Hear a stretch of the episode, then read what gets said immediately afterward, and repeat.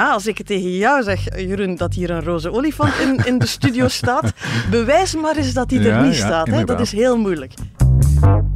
Ik ben van Brussel naar Antwerpen gespoord, want hoe zit dat nu eigenlijk met die WhatsApps tussen de kabinetten? Ik heb het erover met de hoofdredacteur van het Nieuwsblad, Liesbeth van Impe. Dag Liesbeth. Dag Jeroen. En met Arnoud Gijsels, politiek redacteur. Dag Arnoud. Dag Jeroen. Ik ben Jeroen Roppe. Dit is de Actua-podcast van het Nieuwsblad, het punt van Van Impe.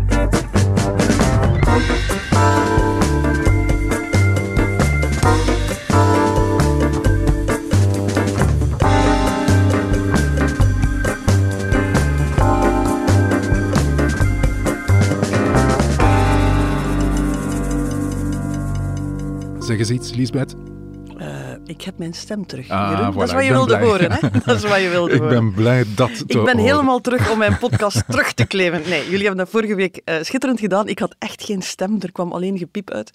Dus eh, heel blij dat jullie het overgenomen Ja, hebben. ik maar, vond het ook ehm, tof eh, met Hannes, maar die is er vandaag niet Die bij. is er niet. Die denkt van, ik heb vorige week alles moeten doen. Deze week neem ik vakantie. En dus ga je het met mij moeten doen. Dus ik, ik claim mijn podcast terug. Ja, en we hebben ook voor waardige vervanging gezorgd met Arnoud Gijsels, politiek redacteur van het Nieuwsblad en dus ook eh, specialist WhatsApp lezen en interpreteren, neem ik aan. Zit premier De Croo in een lastig parket?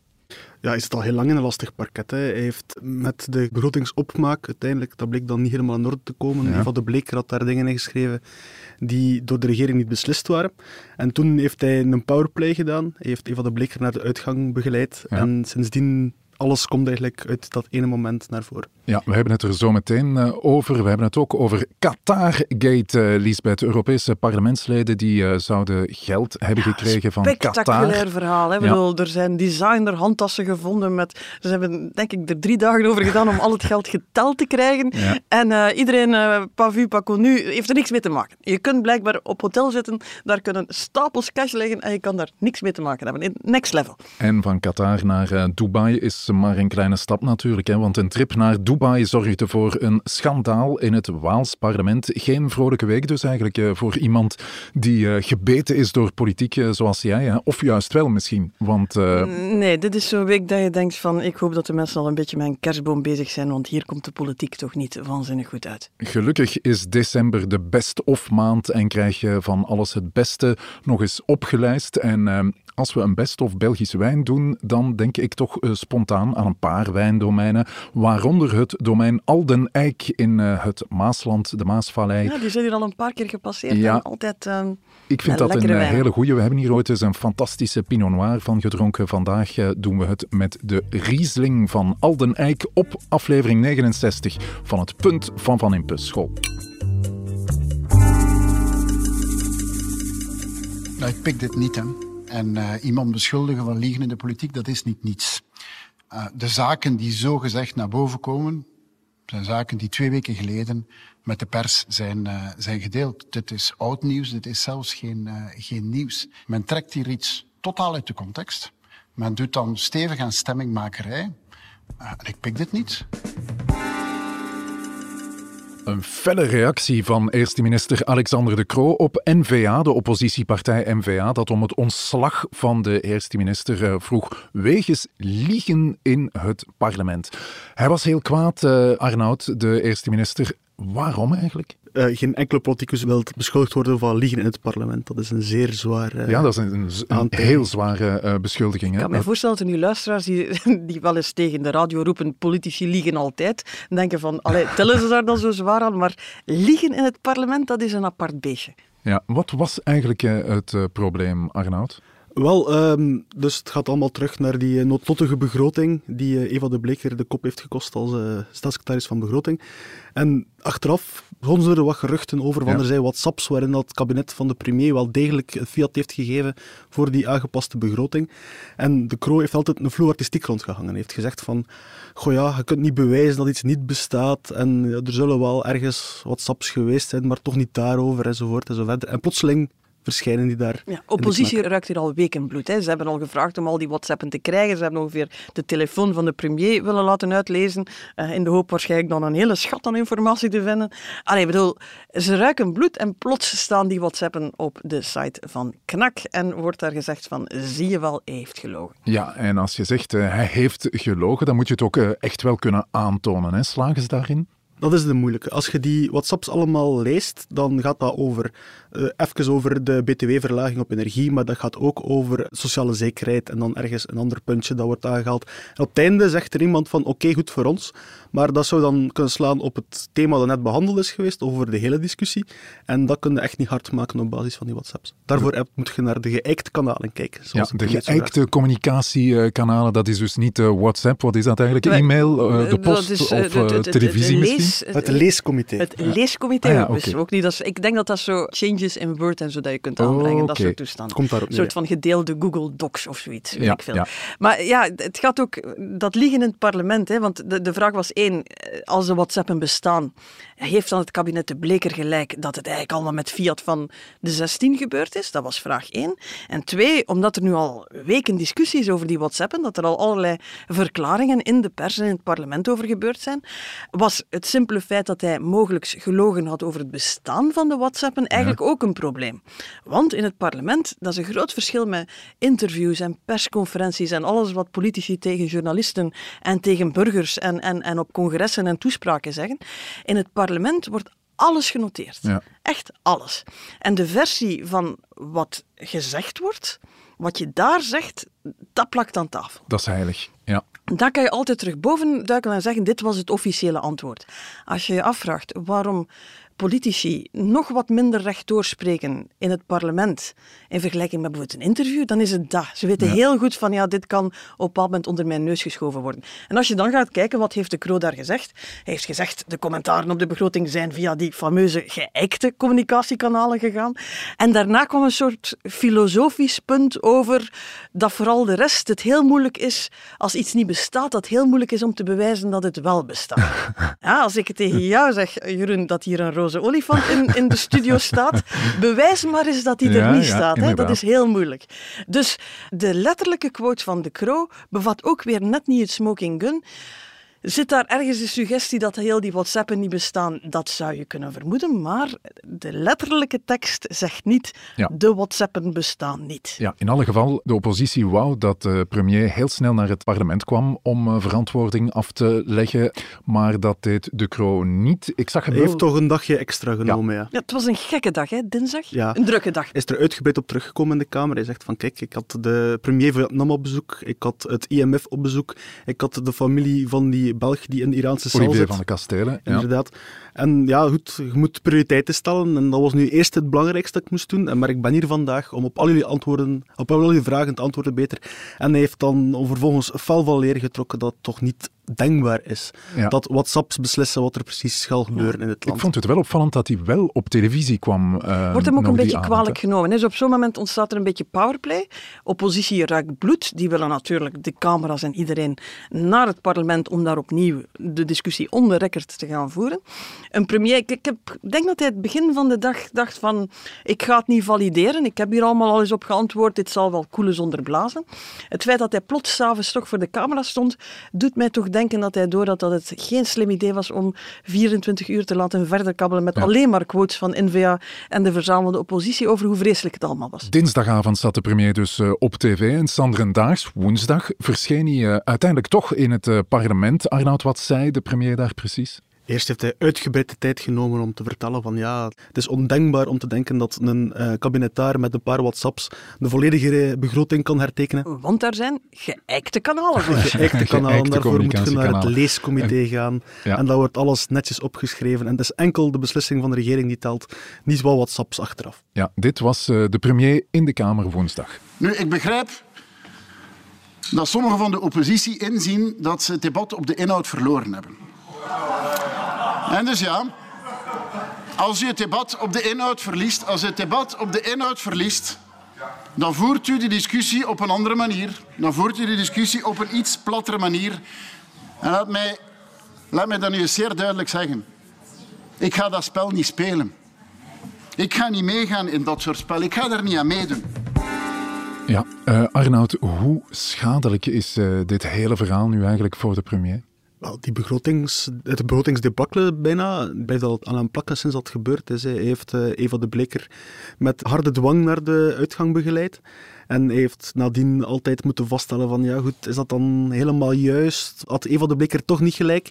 En nu ja, merk je zelf dat zijn eh, eigen Kamerfractie in een pen gekropen zijn om uh, zich rond de premier te scharen en dat ze zelf excuses vragen van de oppositie, wat echt een, meerdere stappen te ver is, denk ik. Ja, het is wat, we hebben hem hier ja, liggen. Ik hè. zie dat je het uh, bij het hebt. Is, het is zelfs een beetje larmoyant. De oppositie maakt het normaal debat onmogelijk. Uithalen van de N-VA zijn verantwoordelijk voor een verruwing en een verharding van het debat. Ik denk dat ze bij een eigen anciens eens moeten gaan kijken, die ooit nog te vuur en te zwaard ook tegen begrotingen vanuit de oppositie ten strijde getrokken zijn. Ik herinner mij uh, Rick Dams, die, als ik het goed had, duizend amendementen of duizend opmerkingen op de begroting had en overal stapels papier gelegd had. Dit is echt het werk van de oppositie. Oppositie heeft daar hier goed haar werk gedaan. Goed, ik denk dat de Kro alles samengelegd heeft gezien van ik kan niet echt gepakt worden op wat ik gezegd heb. Uh, en dan krijg je die heel assertieve reactie we ook eerlijk zijn, een premier kan niet half terugslaan. Hè. Als je het terugslaat, moet het goed zijn, moet het pinnig zijn, moet je zelfvertrouwen uitstralen. Ik denk dat hij naar zijn coalitie gekeken heeft en gedacht, gezien heeft van niemand hier stelt mij een vraag. Ja. Ze waren allemaal de hete patat naar de Kroo zelf aan het duwen. Van, los, los jij maar dit op, maar op. Ja. dit is een probleem binnen de VLD. Um, hij gaat dit dus overleven. Maar ja, de Open VLD-fractie die nu doet alsof dat er iets onbetamelijks gebeurd is vanuit de oppositie, ja, daar zou ik toch heel hard mee opletten. Dit is oppositie die zijn werk doet. En de oppositie is ook gewoon blij dat de Kroo blijft zitten. Nu kunnen die nog meer dan een jaar schieten op een, uh, het is een fan- op een brakke begroting. Het is ah. een fantastische schietschijf en daar geraakt hij niet meer vanaf. Zo had ik het nog niet uh, bekeken, maar we hebben wel een eerste punt. Het punt van Van Impe. Uh, de regering zal hier niet overvallen over deze WhatsApp-gate, maar de schade is er wel. En het gaat alweer over de begroting. De schade is er wel en ze is vooral voor de, de premier en zijn partij. Want het cynisme rond het ontslag van Eva de Bleker en boven alles dat gigantische gat in die begroting waar geen liberaal vrolijk kan van worden, die krakkemikkige begroting, het hele proces waarmee die tot stand is gekomen, wat toch ook geen gigantisch serieus uitstraalt, uh, ja, dat blijft de premier en zijn partij achtervolgen. Dat gaat niet meer weg. Het punt van Van Impe.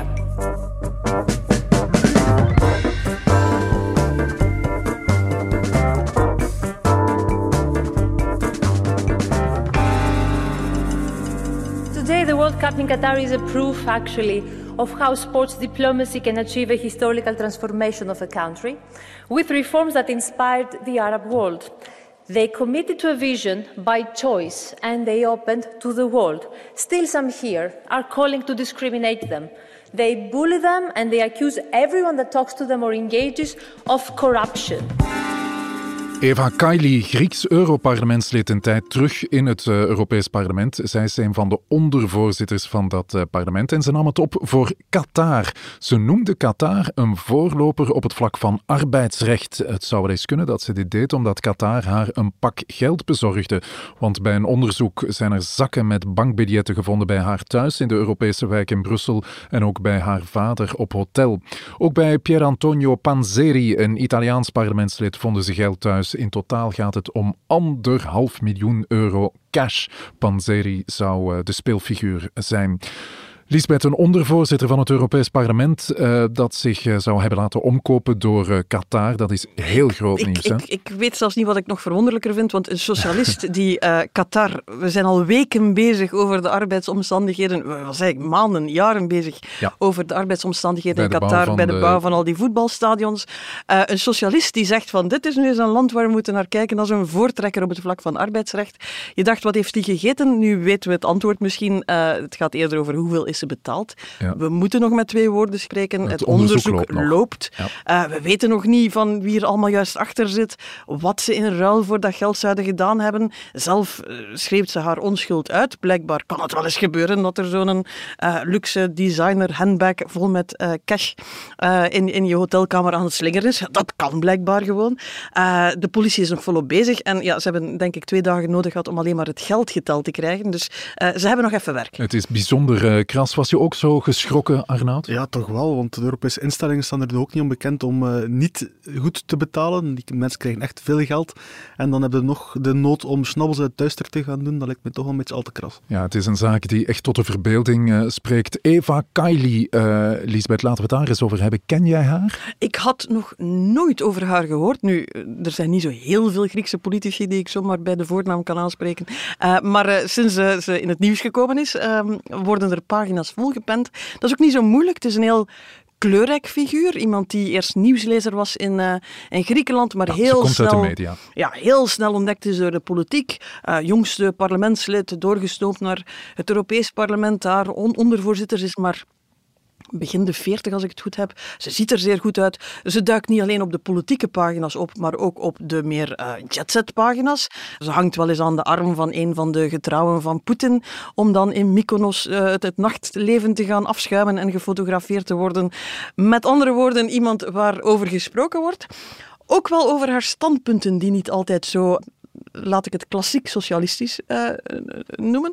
Ja. Um, zij heeft bijvoorbeeld ooit gezegd van uh, uitkeringen, dat is toch iets voor luie mensen. Dat Oei. is niet iets wat je meteen met socialisten associeert. Uh, haar eigen partij had daar ook wel de nodige bedenkingen bij. Kwaadtongen die dan socialisten minder goed gezind zijn, zouden denken, betrapt worden met een paar handtassen vol cash van bedenkelijke afkomst. Dat is dan weer een excellente adelbrief om een socialist gevonden te worden. Ja, er zijn uh, nog uh, enkele namen genoemd uit die uh, fractie, de Sociaal-Democratische fractie in het Europees Parlement. Ook die van Mark Tarabella, een landgenoot van ons. Arnoud, ken jij hem? Ik ken hem niet, maar het is een leukste socialist, we zullen erop terugkomen. Dat is daar al iets gebruikelijker om een keer Verkeerd in het nieuws te komen. Ja. Laten we het zo, ongelukkig in het nieuws te komen. Ondertussen heeft zijn partij hem wel geschorst tot er duidelijkheid is wat de rol van de man precies ja, is. Maar, maar ook, ook Panzeri komt uit de linkse fractie. Dus ja, het is verschrikkelijk pijnlijk omdat het eigenlijk alle clichés, een Griekse socialist, een Italiaanse socialist en een Luikse socialist, dan ben je wel weer rond. Bijzonder pijnlijk voor die fractie, maar ook uh, bijzonder pijnlijk voor het Europees Parlement in uh, zijn geheel eigenlijk. Want het Europees Parlement gaat er toch altijd prat op om ja, morele waarden... Ja, dat is, dat is wat ze doen. Hè. Bedoel, de Europese Commissie, daarvan weten we dat is realpolitiek. Als die gas uit Qatar nodig hebben, dan gaan die naar Qatar, die zetten op hun hoofd wat nodig is om het, om het gedaan te krijgen. De Europese Raad, daar zitten staats- en regeringsleiders, dus dat is 27 keer realpolitiek bij elkaar opgeteld. Ja. Het Europees Parlement stelt zich, werpt zich vaak op als de stem van de Europese normen en waarden, het verdedigen van de universele rechten van de mens, uh, de, de Europese manier van aan politiek doen, vinden uh, de rest van de wereld krijgt daar trouwens soms af en toe een beetje koppen van. Uh, zeker als Guy Verhofstadt weer eens op, het, uh, op de tribune staat. Uh, die vinden dat dat is het opgeheven vingertje, dat is de, de morele superioriteit. Ja, als je dan gepakt wordt met Qatarees geld van bedenkelijke origine in je hotelkamer, ja, dan stuikt je autoriteit natuurlijk ineen. Trouwens ook binnen Europa. Hè. Ik bedoel, er zijn er daar ook die zich regelmatig aan het Europees parlement uh, ergeren. Hè. Dus... Dat kon je zelf zien. Zo een, ja. ja. inderdaad. Victor Orban die heeft onmiddellijk een plaatje gepost op zijn sociale media met lachende oude mannen en daarboven het Europees parlement maakt zich zorgen over corruptie in Hongarije. Good ja. morning, European Parliament. Ja, je ziet hem bijna aan zijn haardvuur zitten met een goed glas Russische vodka, denken van uh, de eerste 25 jaar dat ze mij weer de les komen lezen over wat ik allemaal verkeerd doe met mijn rechtsstaat en corruptie en noem maar op, dan ligt mijn repliek al klaar. Ik denk dat jij een punt klaar hebt, uh, Lisbeth. Uh, tweede punt van Van Impe. Het Europees Parlement is door deze zaak in het hart getroffen. Uh, ja, je voelt het ook. Hè. Ze proberen een heel rappe soort van exorcisme te doen. Kylie is haar ondervoorzitterschap al kwijt. Tarabella is geschorst in afwachting van onderzoeksresultaten. Maar de schade is gebeurd. Hè. Als je zo de, de moral high ground wil gaan bezetten, ja, dan kan je er maar beter niet van vallen. Hè. Want het is van, het is van hoogvallen hoor, als je het Europees Parlement bent. En dat is gewoon vernietigend. Het punt van Van Impe.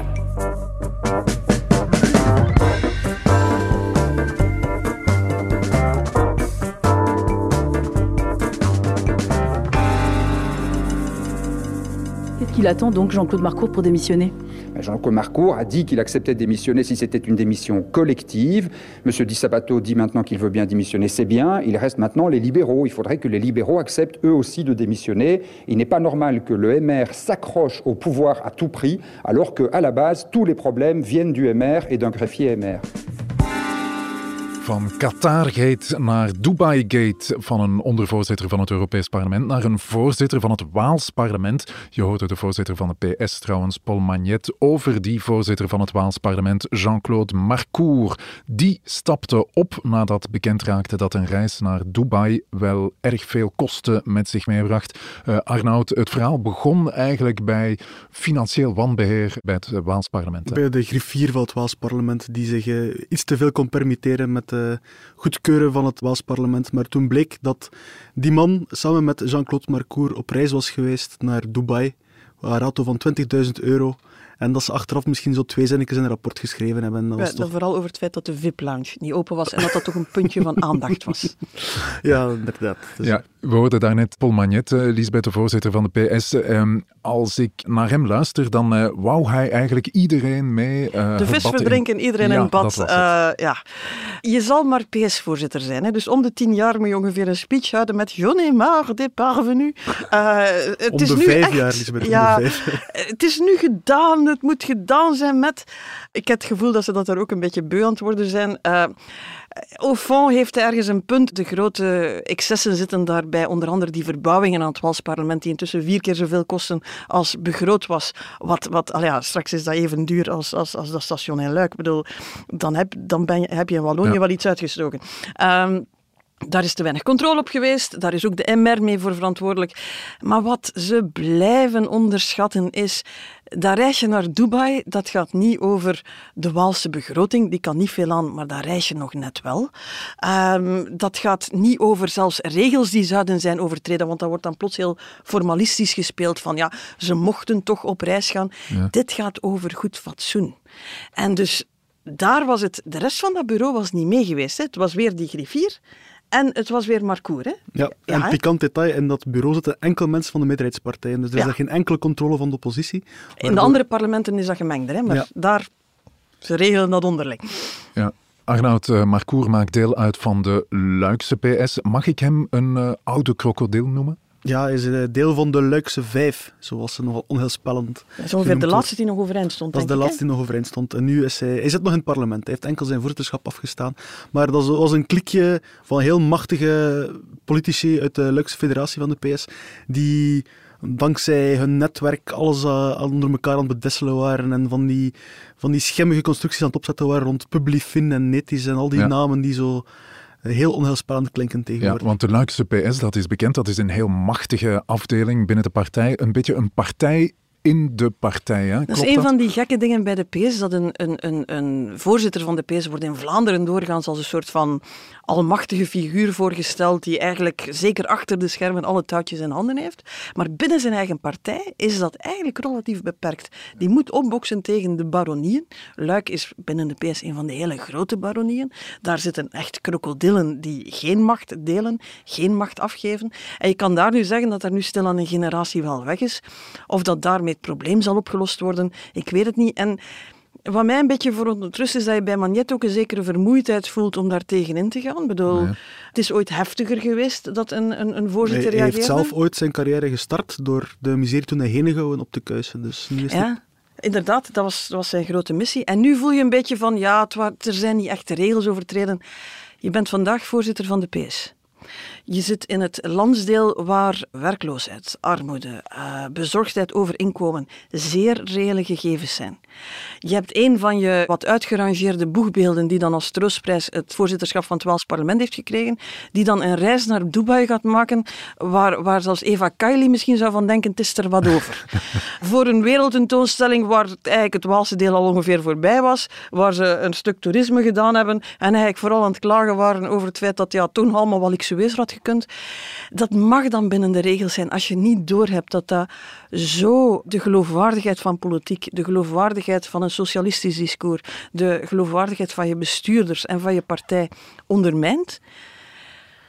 Het kan tactisch slim lijken om dan te denken, ik trek de MR mee en je kan zelfs gelijk hebben. Maar eigenlijk pas hier nog altijd in de eerste plaats een mea culpa. We ja. hebben het niet gekregen van Jean-Claude Marcourt, ondanks het ontslag. Want hij is blijven zeggen, ik heb niks verkeerd gedaan. Uh, Magnet is nog altijd bezig met rond te kijken en te kijken, kan ik hier nog iemand meesleuren? Kan ik ervoor zorgen dat de hele Waalse politiek meegaat? Ja. Dan denk ik van, jongens, uh, trek hier nu toch eens een streep onder Je kan dingen oplossen met regels, maar voor sommige dingen heb je gewoon fatsoen nodig. En dat was hier duidelijk niet ja, aanwezig. Want jij hebt altijd gezegd, een nieuwe generatie uh, PS'ers, de Dermins en de Dermanjes van deze wereld, dat zijn de Magnet Boys en de oudere, wat uh, populairdere PS-figuren, die vinden dat die nieuwe generatie nog alles te bewijzen heeft. Hè. Komt die generatiewissel er nu misschien juist sneller of ik heb makkelijker? onlangs een... Wacht, ik moet nu zorgen dat ik zeker maak dat het niet te traceren is. Ik zal zeggen, een socialist in dit land, die zei van het drama van de PS is dat Dermin en Dermanje die nieuwe PS vertegenwoordigen maar die halen niet genoeg stemmen. En dat degenen die de stemmen halen niet de nieuwe PS en de propere PS vertegenwoordigen. Die lokale baronnen zijn populair, zijn stemmenkanonnen, die hebben een achterban, die hebben zich daarop georganiseerd. En die kijken soms inderdaad minachtend naar zo die propere boys die eens gaan komen zeggen hoe hij aan politiek doet. Ja. Is jouw punt, Lisbeth, dat Magnet dit eigenlijk wel onderschat heeft? Onderschat heeft dat de, de geloofwaardigheid van de politiek hier op het spel staat? Het is wat je in de politiek vaak ziet. Hè. Men maakt er een soort van partijpolitiek steekspel van. En men heeft niet door dat intussen de hele politiek mee onderuit gehaald wordt. Ja, ik denk dat je in deze tijden met de bezorgdheden van de mensen veel scherper moet zijn voor wat daar gebeurd is. En zeker voor dat soort snoepreisjes. En zeker ook als je weet dat in Wallonië de PTB echt in de nek van de PS zit bijna, dan kun je echt zo'n dingen niet meer permitteren, ja, vrees ik. PTB, dat is de extreem linkse partij die het goed doet in de peilingen. Hè. Dat zijn de mannen die niet voor uh, 20.000 euro naar Dubai gaan. Dat kun je wel zeker zijn. Oké, okay, je hebt een derde punt gemaakt, uh, Lisbeth. Volgende week stel ik voor dat we het hele politieke jaar 2022 overlopen. En dan uh, reiken we de pinten van Van Imper uit. We gaan uh, vele puntjes maken en we gaan daar Belgisch bier bij serveren. Ja. Ook ik... het, de tweede keer dat we het doen, dus het is vanaf nu een jaarlijkse traditie. Oké, okay, uh, goed idee. Ik kan er mij wel een paar bij voorstellen. Volgende week dus afspraak. Intussen drinken wij ons glas Alden Eik uit een heel goede decemberwijn. Hè? Een heel goede decemberwijn. Het is kerstmis. Iets wat je trouwens, dat moeten we even vermelden, bij de andere podcast van het Nieuwsblad kan je nog veel meer in kerstsfeer laten onderdompelen, want onze vrolijke vrekken, een van onze podcasts, die hebben een kerstsingle uit en die zou ik uh, ja, toch echt eens gaan beluisteren. Het is elk jaar wachten op een kersthit. Ik vond dat het dit jaar wel heel lang uh, duurde, maar we Kijk, hebben er een, de denk ik. De vrolijke vrekken doen hun duit in het zakje. en als je nu wil vragen, Jeroen, van, doen wij dat dan uh, misschien ook nog volgend jaar? nee, nee, geen kerstruien, geen kerstsingles. Nee. Wij gaan het gewoon netjes houden op een pintje en de puntjes. Maar dit stukje uit de kersthit van uh, de vrolijke vrekken willen je zeker niet onthouden. Dat ding vreet maar stroom en daar komt je oom. Extra ketchup vragen. Ik ga mijn leven nog een kilowattuur of zeven. Crisis, crisis, er dwarrelt zwarte sneeuw. Crisis, crisis, inflatie van de eeuw. Al zijn het dure dagen, ons hoor je niet klagen. Besparen is altijd een feest. Dankjewel voor de punten, Liesbeth en ook uh, Arnoud. Dit was het Punt van Van Impe, een podcast van het Nieuwsblad. Je hoorde de stemmen van hoofdredacteur Liesbeth Van Impe en van Arnoud Gijsels, politieke redacteur. En van mezelf, Jeroen Roppe. Dank aan de VRT voor de audioquotes, aan Pieter Schevens voor de muziek en aan Pieter Santens van House of Media voor de montage. De productie was in handen van Bert Heijvaart en Joni Keimolen. Tot het volgende Punt van Van Impe. Crisis, crisis, inflatie van de eeuw. Al zijn het dure dagen, ons hoor je niet klagen. Besparen is altijd een feest. Tot erop, jongens.